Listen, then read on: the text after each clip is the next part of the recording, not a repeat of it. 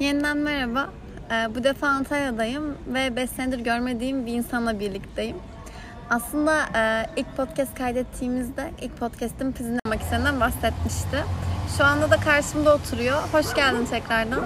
Herkese merhaba. Burada olduğum için aşırı mutluyum ve Beyza'yı da uzun süredir görmedim. Hem beraber oturma fırsatımız oldu hem de bir sürü konuşacak şeyimiz vardı ve burada olmak da benim için ayrı bir güzel. Şu an benimle göz teması kuramıyor. Üstüme gelme dikkatim dağılıyor. ee, Sıla diyet, diyetetik mezunu. Evet. Beslenme Hatta bu sene diyetetik. mezun oldu. O yüzden hani benim onunla konuşacak çok fazla şeyim olduğunu düşünüyorum. E şöyle ben yeni mezun oldum İstanbul'da bir vakıf üniversitesinden ve e, Beyza'nın anoreksiya sürecine çok yakından olmasa da uzaktan tanıklık etmişliğim var. İlk fark ettiğim zaman e, lisedeydik ve biz lise sonu Beyza ile aynı lisede okuduk. Fark ettim ki öğlenleri Beyza bizimle bir şeyler yemekten kaçıyordu. Genel olarak bir şey e, verdiğimizde ya da işte tadına bakmak ister misin bu çok güzelmiş gibi e, bir atılımda bulunduğumuzda kaçmayı seçiyordu ve hiçbir şey yemiyordu. Bir değişiklik hani bir sıkıntı olduğunu farkındaydım ama aslında bu kadar bilgim yoktu. Ne zaman ki bölüme başladım ve bununla alakalı okumaya, araştırmaya ve dersleri gördükçe anladım ki Beyza'nın yaşadığı süreç biraz anoreksiyaya doğru kaymıştı. Ve bir noktadan sonra sosyal medyadan iletişime geçmiştik zaten. Birlikte bununla alakalı konuşmuştuk. Bilmiyorum sana etkim oldu mu, yardımcı olabildim mi ama. ya oldun açıkçası. Yani, ım, şey çok iyi geliyordu. Birilerinin bana beni anladığını fark etmek birilerinin. Birilerine benzer şeylerin farkında olduğunu, hani sorularıma cevap bulabildiğimi görmek hoşuma gidiyordu. Teşekkür ederim. Rica ederim her zaman. Ya benim de zaten bölümde de en çok dikkatimi çeken kısım psikolojiyle alakalı olan kısımdı. Yani yeme bozukluklarının olduğu bu bulimia, anoreksiya, işte pika gibi e, psikolojiyle bağlantılı olan kısımlara çok fazla ilgim vardı ve bunları da çok okuyup hatta tezimi bile bunun üstüne yazdım ben. E, o yüzden ilgimi çeken bir konu herhangi bir şekilde destek olmaya da farkındalığımın olduğunu belirtmek de iyi geldi aslında arkadaşımın yanında olduğumu hissettirebiliyorsam. Birazcık heyecanlandım. evet genelde e, Beyman'da da aynı şeyi yaşamıştık biz. Ben de çok tecrübeli değilim bu konuda. İkinci konuğumsun sonuçta. Mutluyum burada olmaktan. Ya, lise döneminde şu an e, karşılaştığım çoğu insan aynı şeyi söylüyor zaten. Lisede sen şunu yemiyordun, şunu uzattığımızda bu şekilde davranıyordun tarzında çoğu insan bahsediyor. Ya ben o süreçte farkında değildim mesela bunların. O süreçte hani öğlen yemeği yeme alışkanlığım yok ya da paketli gıda tüketmiyorum şeklinde düşünüyordum. Hani ne zaman ki e, bu anoreksiya süreci geldi geçti ki ne kadar geçtiği hala bir soru işareti. İlk gün önce görüştüğümüzde sen de söylemiştin zaten hani hala çözülmemiş demek ki tarzında bir şey konuşmuştuk. Ya bazen zaten tetikleniyorum. Bunun farkındayım. Böyle hani e, fazla bir şey yediğim 2-3 günden sonra bir şey yememe hareketinde bulunabiliyorum. Bunu durdurmaya çalışıyorum ya da hani kendimi zorlamaya çalışıyorum bazı şeylere. Ya da e, dışarı çıkıp birileriyle yemek yemeye çalışıyorum bu durumda. Tekrar kendimi eve kapatmayayım ve tekrar yemek yemekten kaçmayayım. Ya da yemek yemekten korkmayayım diye. Yani ne kadar zor olduğunun farkındayım. Çünkü e, hasta profiline biraz uyuyorsun ama şöyle de bir şey var. Sen benim Yani biz diyetisyen olarak direkt şey yapamıyoruz, e, teşhis koyamıyoruz. Bunu her zaman diyetisyenin ya çift, e, çift ana dal yapıp psikolojiyle beraber mezun olmuş biri, bunun üstünde uzmanlaşmış, işte yüksek lisans yapmış, eğitimini almış biri ya da e, diyetisyen olup psikoloğa yönlendiren biriyle çalışman gerekiyor. Yani hiçbir zaman bu yemek bozukluklarının e, sadece diyetisyen ya da sadece psikologla son bulduğunu ya da tedavini tamamladığını aslında çoğu zaman gözlemlemiyoruz. O yüzden sana dedim hani diyetisyen sürecinden bahsettin bana. Ee, ama bir psikoloğun da el atması her zaman daha mantıklı. Çünkü beslenme bizim çok fazla duygularımızla ilişkilendirdiğimiz bir yer ve e, bunun sağlıklı sonucunu aslında nedenini görmeden direkt bir düzgün bir beslenme planına geçmek çok sürdürülebilir bir şey değil aslında. Ben zaten şu an birazcık e, diyetisyenin bana yazdığı şey beslenme düzenim olarak almış durumdayım. Mesela ilk diyetine gittiğimde dedi ki şu saatte kahvaltı, şu saatte şu hani bana bir plan çıkarttı ya. Ben o planı aslında şu an günlük beslenme alışkanlığım olarak devam ettiriyorum. Bunun ne fazlasına e, eksisi var aslında.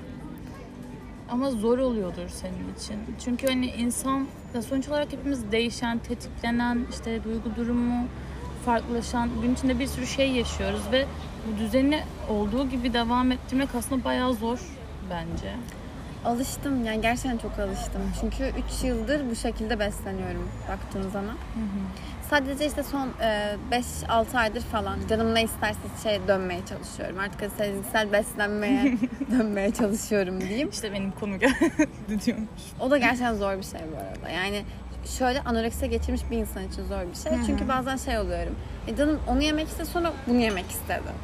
Bir yanım diyor ki ya evet bunu istediysen yemelisin tabii ki. Porsiyonlarını koruyor. Diyetisyen olduğum için gerilmene gerek yok. Gerildim şu an. Şey, istediğini yiyebilirsin, sıkıntı yok. ya ben Ama işte bir yanımda şey diyor o süreçte. Hayır üst üste iki tane tatlıyı yiyemezsin. Ya da işte şunu bunu yapamayın. Böyle bir şey oluyor ya da şey oluyorum. Akşam canım dondurma istiyor diyorum ki gündüz reçel yedim. Anladın mı? Ha böyle düşünmemen gerekiyor yani bence şöyle benim asıl test konumun mantığı şeydi ben mindfulness ve sezgisel beslenmenin e, süreçlerini ve farklılıklarını hangisinin daha verimli olduğunu araştırdım.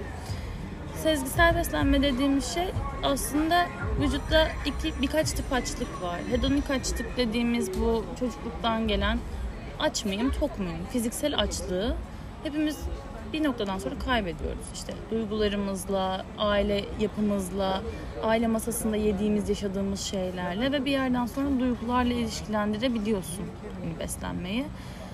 Ee, şu an geri dönmeye çalışıyorsun aslında. Ben şu an aç mıyım, tok muyum?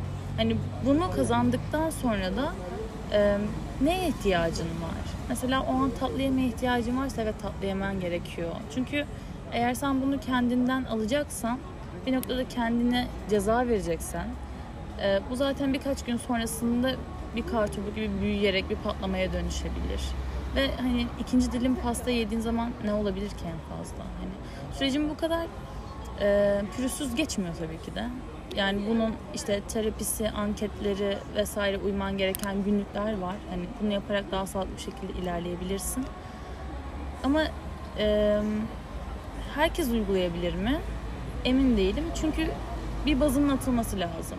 Tamamen bir yeme bozukluğu olan bir insanın direkt olarak sezgisel beslenme, beslenmeyle Ya tabii ki de çok zor bir şey. çok zor. Çok çok zor bir şey. Ya diyorum ya evet canım istiyor ama bir yanım diyor ki yani hayır bunu yapamazsın. Çünkü ben daha yeni yeni bazı şeyleri aşmaya çalışır bir durumdayım. Ki o da şöyle bir şey oluyor. Mesela bir dönem ne yediğimi hiç fark etmiyorum. Bir dönem tekrar diyetisyenimin listesine geri dönüyorum. Bu hani öyle bir şey ki ben tam şey diyorum. Aa, yani şeyi fark ediyorum. Okey ben bunu aşmışım. Bir sıkıntı yok. Şu an hani işte canım isterse bunu yapmalıyım şeklinde hareket ediyorum. Sonra bir gün geliyor bakıyorum bir şey yemezsin diyor içimden bir ses. Yani o kadar karışık ki aslında. Günüm günümü tutmuyor. Ben tamam evet her şeyi yoluna koydum. Bir süredir hiç düşünmüyorum ne yediğimi ne içtiğimi derken. er, Bir hafta boyunca kendimi de bunu hesaplarken buluyorum. Hı hı. Ya aslında şuna odaklanmak lazım. Onu yeme diyen ses aslında sana neyden seni neyden korumaya çalışıyor? Hani sen neden onu yemek istemiyorsun? Dün onu yerken bir sıkıntın yoktu ama bugün neden bir sıkıntı var? Hani O da birazcık şeyle alakalı. Hani o gün kendimi daha çirkin hissediyorum mesela. O gün ne bileyim vücudumu beğenmedim. Yeterince güzel bulmadım kendimi. Benim gerçekten sıkıntım da şu. e, az önce bunu da konuştuk seninle. Hani arkadaşlarım sana şeyi anlatmışlar sanırım. Ortaokul sürecimden bahsetmişler. E, ortaokulda ben kilolu bir e, çocuktum. Hatta ilk podcastimde de bunu bundan bahsettim. Arkadaşlarım beni onunla hani bizimle dans edemezsin diye dans grubuna almamışlardı. Benim şu an ilkokul günlüklerimi açarsam her sayfasında zayıflamak istiyorum yazıyor. ama Yani ilkokuldaki bir çocuğun her kötü. günün her Minx'li bölümü bir günlüğü var ve her sayfasında bu yazıyor. çok, kötü. Ve hani benim için şu an güzellik bir şeyleri zayıflamak, kendimi kötü hissetmek, kendimi kötü hissediyorsam ve beğenmiyorsam zayıflarsam çözülecek gibi bir şey var içimde. Ve bunu durdurmak gerçekten çok zor geliyor. Aslında işte onu çözmemiz lazım. Şimdi sen neden güzel hissetmiyorsun kendini? Şişman olduğun için mi? Şişmanlığı neyle eşleştirdin kafanda? Bir gün atıyorum bir zorbalığa uğradın ve küçükken sana biri şey dedi hani güzel kızsın ama zayıflasan daha güzel olursun gibi. Hani ya da mesela sosyal... Ortaokuldaki hoşlandığım çocuk gerçekten. O da böyle söylemişti. Ya aslında hani bir noktadan sonra düğüm gibi bir şeylerin ardı ardına soruları var ve sen bunları cevapladıkça hani senin sıkıntının yiyecekle ya da kilonla olmadığını fark ediyorsun. Aslında buraya inmek lazım. Mesela neden yememem gerekiyor şu an? Mesela neden bana e, ikinci tatlı fazla geliyor? Kilo alırım diye. Kilo alırsam ne olur? Beni beğenmezler. Beni beğenmezlerse ne olur? Ne olmuştu en fazla? Sonra şunu düş- görüyorsun. Hani ilkokuldaki Beyza'yı beğenmemişlerdi ve ben hoşlandığım çocuk bana zorbalık yaptı. Benimle beraber zaman geçirmedi. Demek ki benim değer görmem için kilo vermem gerekiyor. Tam olarak bu. Yani sen Yani- bunu kafanda eşleştirdiğin için şu anki Beyza istediği kadar hani 10-15 kilo bile olsa bu bir kalıp olmuş ve ona uymak zorunda hissediyorsun kendini. Ve mesela işte üniversite sürecinde benim bu anoreksiya sürecimin başlaması aslında evet bu zaten e, varmış ve bunun hani tamamen e, bir rahatsız psikolojik bir soruna dönüşmesi benim hani 40 kilonun altına düşmem, yemek yemeyi bırakma sürecim üniversite 2'de oldu. O süreçte de hani ev arkadaşımla aram açık, okuldaki okul arkadaşım yok. Hani hayatımda birisi yok. Böyle kocaman bir boşluğun içerisindeydim ve tam o zaman da eve kendime yönelip beslenmeye dikkat etmeye başladım. Sağlıklı beslenme süt adı altında e, avokadolu keklerimi o zaman denemeye başladım. Ve hani sonrasında. O zaman da şeyi fark ettim hani o süreçte de arkadaşım yoktu. Eğer hani zayıflarsam daha sağlıklı, daha güzel gözükürsem arkadaşım olur, çevrem olur. Kendimi daha güzel hissederim, güzel olurum düşüncesi. Ve işte sonra tekrardan Ya aslında burada mes- e, yaptığı, yaptığımız hepimizin yaptığı yanlış. Bu değeri başkasından beklemek karşımızdakinden. Mesela o Evet. çocuk sana güzelsin deyince sen gerçekten güzel mi olacaktın? Yani olmayacaktın. O çocuk seni beğenmediğinde ya da sen çok zayıfladığın zaman bir arkadaşlığın mı olacaktı? Bununla bir bağlantısı var mı arkadaşlıkların? Hani en e, basite indirgediğimizde o değeri kendimize verdiğimiz zaman aslında hani olduğum gibi, olduğum gibi ben değerli ve güzelim. İstersem 110 kilo olayım, istersem 25 kilo olayım. Hani karşımdakine verdiğim şey kilomla bir alakalı değil. Ama şimdi bu, bu, bu tarz düşünceleri hiçbirimiz seçerek kabullenmiyoruz. Herkesin bunu içselleştirdiği bir nokta oluyor ve sen bunu fark etmiyorsun. Ve bir noktadan sonra bu başka bir şey olarak çıkıyor gün yüzüne. İster 25 yıl sonra, ister 2 ay sonra. Ve bunu çözmek de aslında bizim elimizde biraz daha. Ama şanslısın. Genel olarak biz konuştuğumuz zaman derslerde e, beslenme bozuklukların birbirine çevirdiği dönemler de oluyor. Mesela anoreksiyanın bulimiye Hani yiyip Ben onu yiyip yaşamadım. kusmaya. Onu bahsedecektim. Ben onu yaşamadım. Ee, sadece bir kere şey oldu. Uğur'la yemek yedik. Sonrasında sakince kalıp tuvalete gittim. Sonra zaten Uğur'a seslendim. Hı hı. Hani bunu kendim durdurdum ve ondan sonra zaten birazcık bu ortaya çıktı. Yani o zaman bir durup Uğur şey dedi. Ya ne oluyor? Hani Ya bu- gözlemleyebiliyoruz çünkü bunu işte yiyip arınmaya geçmek, işte kusma isteği, müsil kullanma bunlar çok daha tehlikeli şeyler. Hani e, e, inanılmaz derecede kendini cezalandırıp yememe, çok fazla spor yapma hani e, döndürebilir mesela sağlıklı yeme takıntısı dediğimiz ortoreksiyaya geçebilirsin. Sağlıksız hiçbir şey hayatında kabul etmeyip kendini yine cezalandırmaya, sadece sağlıklı şekilde beslenmeye çalışmaya ki duyduğum kadarıyla birazcık ona gülüşatmam hiç hoşuna gitmedi değil mi? Azıcık bir eğilim var gibi ama dediğim gibi ben teşhis koyamam bunu O benim yıllardır o. Ben hani doğdum ve onun içine doğdum zaten. Hı hı. Yani. Biraz ailemizle de alakalı tabii. Hı hı. Nasıl bir mutfağa doğduğunla çok alakalı senin Evet. şu anki halin. Mesela ben e, paketli gıda tüketimi yok yani. Bir zamanlar çikolatalı gofret tüketiyorduk. Sanırım artık bunu da yapmıyoruz. Ben yapmıyorum en azından. Yani o yüzden dediğim gibi e, şu sıralar şunu fark ediyorum. Ben de dahil olmak üzere çok fazla arkadaşım terapi, psikoterapiye yöneldi. Ben de psikoterapiye e, gidiyorum yaklaşık iki yıldır ve inanılmaz değişik farkındalıklar, kendine alakalı güzel yanlarını, kötü yanlarını, geliştirmek istediğin yerleri, bırakmak istediğin noktaları, belki de dönüştürmek istediğin yerleri çok rahat bir şekilde görebiliyorsun. Aslında bunun da en basitinde uzman biri sana doğru soruları soruyor. Ve senin kafandaki o yanlış verdiğin cevapları düzeltiyor. Ve sen o şekilde hayatını istediğin gibi yönlendirebiliyorsun. Korkulara, kaygılara ya da yanlış e, kurduğun kalıplardan ziyade hayır ya ben bunu değiştirmek istiyorum diyorsun mesela. İlk adımı bu olabilir ve bunun çok normalleştirilmesi gerektiğini düşünüyorum ben açıkçası.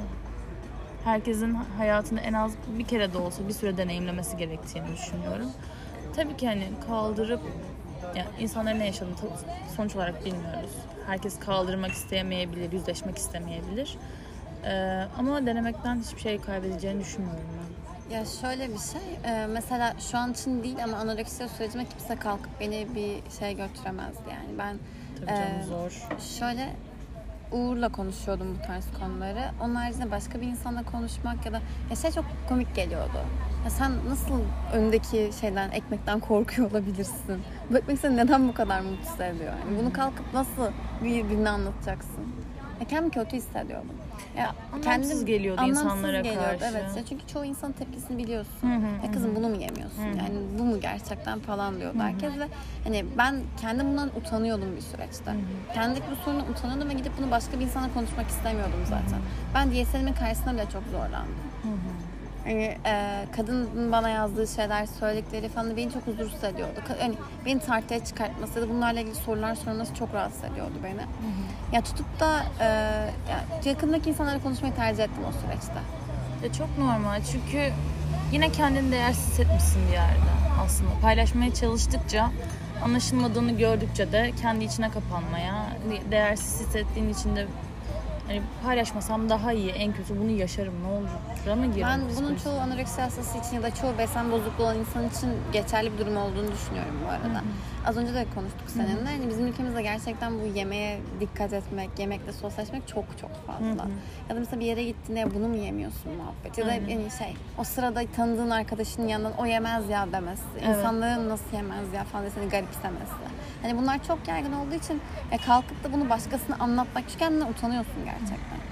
Ya, sosyal medyanın getirdiği bir şey bu aslında. Yani şu an öyle bir algımız var ki birini yolda durdurup "Aa ne kadar güzel kilo vermişsin." Bir iltifatken "Aa kilo almışsın." demek insanların gözünde hemen bir hakarete dönüşebiliyor. Ama bence kilo, yani benim için kilo vermişsin demek de şu an çok büyük bir hakaret. Ya tabii ben ki. bu 8 kilo arkadaşlar canım çıkarak aldım. Benim de öyle arkadaşlarım vardı ki yiyor yiyor kilo almıyor ve hani 3 gün sonra 5 kilo verdiği için oturup ağlayabiliyor hani. Bu aslında kilo almak kilo vermekten çok daha zor bir süreç. Evet. Hani İnsan insanlar almıyor çünkü değil. yani miden almıyor. Yani üzücü bir şekilde insanlara bunu anlatamıyorsun. Çünkü zaten anlamak istemiyorlar. Hani ve evet Türkiye %90'ında yani yaz tutarken de, kutlama yaparken de, efkarlanırken de. Yemek yiyoruz. Aynen hani bir noktada hani en uzak tanıdığın insanı bile gördüğün ilk yerlerden bir tanesi neresidir? Düğündür, doğum günüdür. Yemek, pasta. Bunlar hep bir sofra etrafında olan şeyler. Ve eğer ki şunu fark edebilirsin, bunu daha demin sen de söylemiştin. Bir insana yemekle olan bir sıkıntısı varsa zaten senin tabağına da bakar. Seni de inceler. Hani e, maalesef ki kişi kendinden gerçekten biliyor. Hani karşımdaki ne kadar yiyor. Belki senin zayıf olman onun çok hoşuna gitmiştir. Ve bir an şey der. En büyük hani, huzursuzluğum. Nasıl bu kadar zayıf kalabiliyor? Ne yiyor? Ne yemiyor? Ama demek ki bunu yemiyor. Bu beni o kadar huzursuz ediyor ki mesela karşısına oturuyorum yemek yiyorum. Aa, sen şundan yemedin, bundan almadın. Bu o kadar kötü bir şey ki. Ya maalesef anne içgüdüsünde de bile biz bunu yaşıyoruz mesela. Çocuk yemek istemiyor ama ağzına tıkıyor mesela. Çocuk doymadı. Çocuk doymadı yemesi lazım. Daha çok yedireyim. Çocuk bir yerden sonra refleks olarak kaşığı itiyor. Yemeği bırakıyor. Yemekten tiksiniyor. Hani orada da bir yeme bozukluğu gerçekleştirebiliyor hani. O süreci, çocukluk sürecini inanılmaz derecede dikkat ederek ilerlenmesi gerekiyor insanlarda ve yani çok yeni yeni bilinçlenmeye başladığımızı düşünüyorum ben bu konuda. Yoksa herkes işte büyüğünden gördüğünü, aile geleneğini işte Ki bizim geleneklerimiz yemek yedirmeye. aynen öyle. Hani çocuk doymamıştır. Sen anne sütüyle besleyemedin. Hani sütü gelmeyen bir anneye sürekli o çocuk doymadı. İşte şunu verelim. Pirinç suyu verelim. İşte şunun suyunu verelim. Böyle verelim şunu verelim. Hani e çocuk aynı sütüyle beslenmesi gerekiyor. Bir kere anneyi strese sokmamak gerekiyor. Ve her şey o kadar zincirleme ilerliyor ki hani senin o çok normal gördüğün o an aslında çocuğun bütün hayatına da etki edebiliyor. Hani. Evet.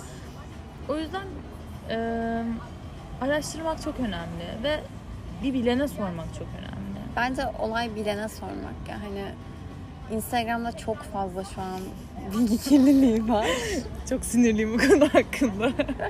Yani ben sürekli görüyorum. Evet. Ya kızın birisi mesela 20 kilo vermiş. Kendi hemen bir Instagram hesabı açmış. 20 kiloyu nasıl verdim? Bakın ben bunu bunu yedim diye. Sana bir şey söyleyeyim mi? Çok Sayfalarca kötü. yazılar. Çok kötü. Biz bundan bütün diyetisyenler adına konuşabilirim çok rahat bir şekilde. Çok muzdaribiz. Yani sevmiyoruz çünkü neden? Yani biz boşuna mı 4 yıl okuduk? Yani Bölüyorum sana ben şeyden de rahatsız oluyorum. Mesela diyetisyen kendi bir hesap açıyor. Ee, Bir haftada 7 kilo şok diyet listemiz. evet. Yani özellikle keşfetten çıkmak için ya da videoların daha fazla izlenmesi için 5 kiloyu vermeyi, haftada bir 5 kilo garantili Evet diyet. maalesef onlar da var. Yani şöyle iki gruba ayırabiliriz bunu. Bize mesela ikinci sınıftayken sosyal medya hesabı açmaya yeltenen insanlara hocamız şey demişti çok net hatırlıyorum. Ayşe teyzecilik oynamayın. Daha bir şey bilmiyorsunuz. Ne paylaşacaksın orada?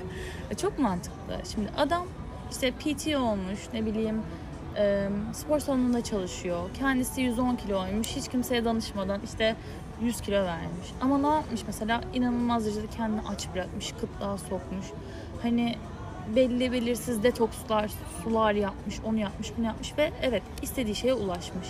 Detoks sularından ben çok korkuyorum. Yani onlar mideyi gerçekten katledebilen şeyler. İnanılmaz. Ne koyduğun o kadar önemli ki. Evet ve şöyle de bir şey var. Mide dışında bağırsak florasını da inanılmaz bozabiliyor. Hani bağırsağın florası bozulduğu zaman senin bütün sindirim sistemin zaten çöp. Hani onu düzeltmek de ayrı sıkıntı. O yüzden daha çok bundan etkilenen kısmın ben eee, yeni böyle ergenliğe girmiş kısım, kilosuyla sıkıntı yaşayan ama diyetisyene başvurmak istemeyen kısım, kolaya kaçan kısım olduğunu düşünüyorum. Hani yapmayın arkadaşlar yapan varsa gerçekten yapmayın çünkü gerçekten çok sağlıksız. İşte su diyetleri, işte kabak detoksları, yok detoks suları hani bilmiyorsunuz sonuçlarını ve hiçbirimizin vücudu diğeriyle aynı değil. Birimize iyi gelen hiçbir şey diğerimize iyi gelecek diye bir şey yok hani. Bir hastalığınız, hormonal düzensizliğiniz vardır. Vücudunuzda bir intolerans vardır. Ya da o anda o kişiye iyi gelen o kabak size iyi gelmeyecektir. Ya da Kabak. kabak detoksu geldi aklıma. Ya da detoks suyu sizde e, farklı bir reaksiyona yol açabilir. O yüzden düşünerek hareket etmek ve her zaman bir bilene sormak, tahlillerle bir uzmanın eşliğinde ilerlemek her zaman daha sağlıklı. Bir de bu şey diyetisyen kısmı var. Maalesef ki medyatik bir dönemdeyiz. Sosyal medya çok inanılmaz popüler. Öne çıkmak lazım. Bu da e, şu anki tüketim toplumunda en hızlı nasıl öne çıkabilirsin? En hızlı sonucu vererek. Yani Şok diyetler. tabii hani ben iki günde 10 kilo verirsem o diyetisyenin ne kadar iyi olduğunu göstermez. Bu birincisi. Şundan bahsetmiyorum hani gerçekten bir sıkıntınız, e, bir hastalığınız, e, bir bozukluğunuz vardır ve diyetisyeniniz size olması gerekeni uygulamıştır ve sizin hani süreciniz takip altındadır ve siz böyle bir sonuç almışsınızdır. Bundan bahsetmiyorum. Tamamen sağlıksız bir şekilde tek tip bir besine ya da suya bağlı bir şekilde verdiğiniz kısıtlayıcı diyetlerin uygulandığı diyetlerden bahsediyorum. Ve şunu da unutmayın lütfen. Hiçbir zaman birimiz diğerimizle aynı olmadığı için mesela Beyza aynı diyeti bir hafta uyguladığında 5 kilo verebilir ama ben 2 kilo da verebilirim. Bu tamamen benim bünyem, metabolizmam ve onun verdiği tepkiyle alakalı. Hepimiz birbirimizden farklı insanlar ve vücutlara sahibiz, genetiğe sahibiz. Bunu da unutmamamız lazım. Çok konuştum. çok Çok konuştum. Ben mesela şu an aç kalamıyorum biliyor musun? Sen de bir yani diyet olayı onu düşündüm. Ee, mesela bir süre aç kaldığımda çok kötü oluyorum. Artık bu aşırı sinirleniyorum ve şey paniğe oluyor. Tekrardan sinirli bir insan olacağım. Bir şey yemeliyim paniğe oluyor. Belki hani benim sürecim geriye sarmıyorsa sebebi bu. Hmm. Bir nokta var benim sürecimde Dikkat durduran. ediyorsun oraya. Aynen. Farkındalığın var. Hani olabilir. Ya şey de olabilir tabii. O açlığı dolu dolu yaşadığın için artık hani Panikliyorum sanırım. olabilir. Vücudum hemen sadece hayır. Yapma. bir daha Kalk ve bir şeyler ye. yani senin sürecin içinde e, diyebileceğim şeyleri söyledim aslında. Bir ihtiyacım bir şey olduğu zaman zaten her zaman buradayım. Onun dışında bir sıkıntı yok ama dediğim gibi bunlar her zaman iki yani psikoloji ve diyetin beraber devam etmesi gereken bir süreç olarak görüyorum ben bunları. Onun dışında dışarıdan duyduğunuz ya da çevrenizden duyduğunuz herhangi bir e, bu çok iyiymiş işte bunu yaptım şunu yaptımla bir diyet sürecine lütfen başlamayın. Ve başlayanların da bence uyarmamız gerekiyor yani. Çok sağlıklı bir şey değil çünkü. Ben şok diyetlerin durdurulması gerektiğini düşünüyorum. özellikle. Gerçekten çok zararlı, çok sıkıntılı. Hani Bunun benim teyzem çok sık yapıyor. Teyzem podcast'ini dinlemiyordur diye şu an rahatça söylüyorum ama e, Ramazan'dı sanırım. Teyzem geldi. 3 günlük şok diyete girmiş. Sadece su detoksu olarak geçiyormuş. çok korkunç. Diyor ki sadece su içebilirim. Çok bayılan. Bir de şey kahve içebiliyormuş işte. Hayır ya. İşte kalorisiz şeyler genel olarak. Ya bin bir türlü Ama ben şey söylemek istiyorum. 3 gün boyunca sadece su ve kahve içti. Umarım Yaptı mı? umarım teyzem dinlemez. yaptı mı? Yaptı. Ama İyiymiş dördü- dördüncü gün şey yiyordu. Açma poğaçalardan yiyordu. Yapar. İki tane üst üste falan. E çünkü İki vücut- tane, üç tane. Bütün depoların boşaldı ve vücut kıtlığa girdi ve Ama elinde ya- ne varsa O onu üç günün kullanıyor şu sonunda an teyzem yani. gerçekten dediği gibi yemek yiyor. Adam böyle gözü dönmüş bir şekilde. Üç gün boyunca şey yaptı. Mesela bize geldi börek öyle onu aldı patates sardı eve götürdü. Hepsini şey, depoladı. açım açım açım. Üç gün bitti evde onları yemeye başladı sonra. Çok hastanelik olan vaka var böyle. İşte bayılmalar, işte ne bileyim tansiyon düşmeleri. Yapmayın ya. Ben böyle kamu spotu gibi geziyorum değil mi? Yapmayın, hayır. Çünkü e, hiçbir şey vermiyorsun vücuda. E, senin en az günlük bile minimum hani 1600 kaloriye nereden baksan ihtiyacın var. Ve kalori de saymayın lütfen. Bu da çok zararlı O bir çok şey. korkunç bir şey. Ben şey hatırlıyorum. Mesela yemek yiyoruz. Konuşamıyorsun ki ana odaklanamıyorsun. Evet. Yani attığım o lokmanın kaç kalori olduğunu düşünmekten gerçekten hani ya midem mesela 3 saat geçiyor midem artık onu sindirmiş anladın mı artık hani akşam olmuş ama ben hala şeyim ya 4-5 saat önce yediğim o şey kalorisi kaçtı acaba? Kaç kalori aldım acaba? çok zehirli bir ok yani. Kalori sayılmaması Ve 5 gerekiyor. saat boyunca düşünemiyorsun. Beynin asla çalışmıyor. Tek bir şeye odaklısın o 5 saat boyunca. İşte takıntılı beslenmeye giriyor bu bir yerden sonra. Yani hani bu da çok zararlı bir şey. Bunu da yapan çok fazla insan var ve vücudunuz ya en basit bir matematik var. Vücudun gereken kaloriyi almadıysa, kalori açığı yarattıysan kilo verirsin. Evet ama hani vücudunu kıtlığa sokmaya gerek var mı? Bu kadar kötü hissettirmeye, işte ona iyi bakmamaya. Ben mesela sonrasında ilerleyen süreçlerde ciddi bir hormon dengesizliği sıkıntısı yaşadım. Çünkü yağ ihtiyacım var. Vücudumun yağ ihtiyacı var hormonları için ve bu olmadığından dolayı ciddi bir hormon dengesizliğim hala devam ediyor bu arada. Hala bu süreçte uğraşıyorum ben. Yani hormonlar zaten metabolizmayı çok etkileyen yapılar. Metabolizmanda da sıkıntı oluyor. Hı hı. Bir yerden sonra sistem zaten insan vücudunda her şey birbirine bağlı Bu sistemler. şey var ya ilk e, hani kas oranı, yağ oranı. Orada metabolizma yaşı da hesaplanıyor. Ya, metabolizma yaşım ilk ben 21 yaşında gittim işte diyetisyene 27 çıkmıştı. Çok yavaş o zaman. Evet o süreçte çok yavaştı. Hı hı. Çünkü artık şey alışmışım. Ve ben kilo aldıkça metabolizma yaşım düşmeye başladı. hı. En son 22 yaşındayken 23'e düşürdük. Orada bıraktık o süreci. Yani işte mesela sen kalori saymaya devam ettikçe belki de bunu devam edecekti. Hani bu düzensizlik. Az kalori aldıkça evet. Yani evet zayıf olacaktın ama işte çöküyor bir yerden sonra Evet, evet. vücut. Hani. Çünkü nasıl bir arabanın bir süre gitmesi için benzine ihtiyacı var. Ee, şu an onu elde etmek zor, zor biraz.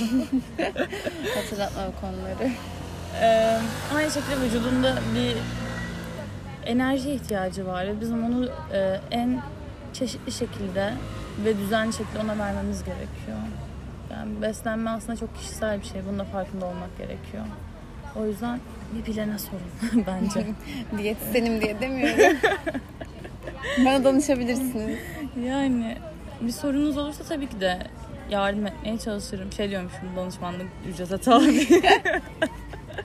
Online danışmanlık için bana ulaşabilirsiniz. 0500 hayır gerek yok. Düşünüyor musun Ben mi? bir hesap açmayı ya da bir yerde çalışmayı, kendi kliniğini? Ya tabii bizim sektör çok farklı ve e, değişkenliği var. Hani çalışabileceğiniz inanılmaz çeşitli iş sahası sunan bir meslek. Şu sıralar düşünme aşamasındayım. Çünkü e, tam olarak ne yapmak istediğimi çok fazla staj yaptım. Az çok biliyorum ama daha adım atmadım. Bir sosyal medya hesabı da açar mıyım? Şu anlık emin değilim. Hani bilmiyorum ya gelecek olan süreç. Kafanda tam olarak ne var? Hangi alana yönelmeyi düşünüyorsun? Ben psikolojiyle ilgileniyorum. Hı hı. İşte e, dediğim gibi işte tezimi de bunun üstüne yazdım.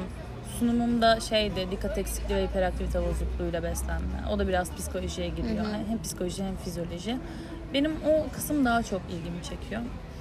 Ee, çünkü nasıl sağlık sağlığın bizim liter- literatürde tanımı işte Dünya Sağlık Örgütü'ne göre şeyse e, fiziksel işte zihinsel psikolojik sosyal hani bir bütünüyle sağlıklı olabiliyorsun.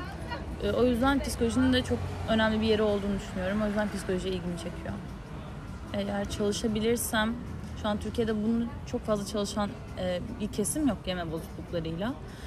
E, Evet buna ben de bakmıştım. Annem daha doğrusu çok araştırdı bunu. Yani biz de bununla ilgili bir şey bulamadık. Genelde hep şey var. İşte zayıflama diyeti yazan diyetisyenler Evet, çoğunlukta. E çünkü şu an o rağbet görüyor hani ve insanlar ne bileyim belki ilgisini çekmiyordur. O da olabilir. Bunun için de bir ayrı bir emek harcaman gerekiyor çünkü. Yani aslında bizim bölümde şunun yapılması gerektiğini düşünüyorum. Birazcık daha e, uzmanlığa ayırmalılar işte. Biz çünkü diyetisyen olarak mezun oluyoruz ve neye ilgi duyuyorsan daha sonra sen onunla alakalı bir şey yapmalısın. Sporcu mu, psikoloji mi, Hı hı. işte klinik mi? Hani birazcık daha hani tıp gibi olsaydı e, belki de daha fazla böyle insanlara rastlam rastlayabilirdik. Belki değişir. Belki ben de onlardan biri olurum. Bilmiyorum bakalım. Umarım olur. Ne, ne konuşacağız derken e, 30 dakikayı doldurmuşuz. Çok konuşmuşuz. Ama iyi oldu. Sen bizimle birazcık e, mesleki bilgilerini paylaşmış oldun. evet. Son olarak bu sezgisel beslenmeyi eğer merak edenleriniz olursa sezgisel beslenme uygulama el kitabı var. Yazarının adını Link bırakıyorum. Yukarı kaydırın. Yazarının adını unuttum. tamam bakalım hemen.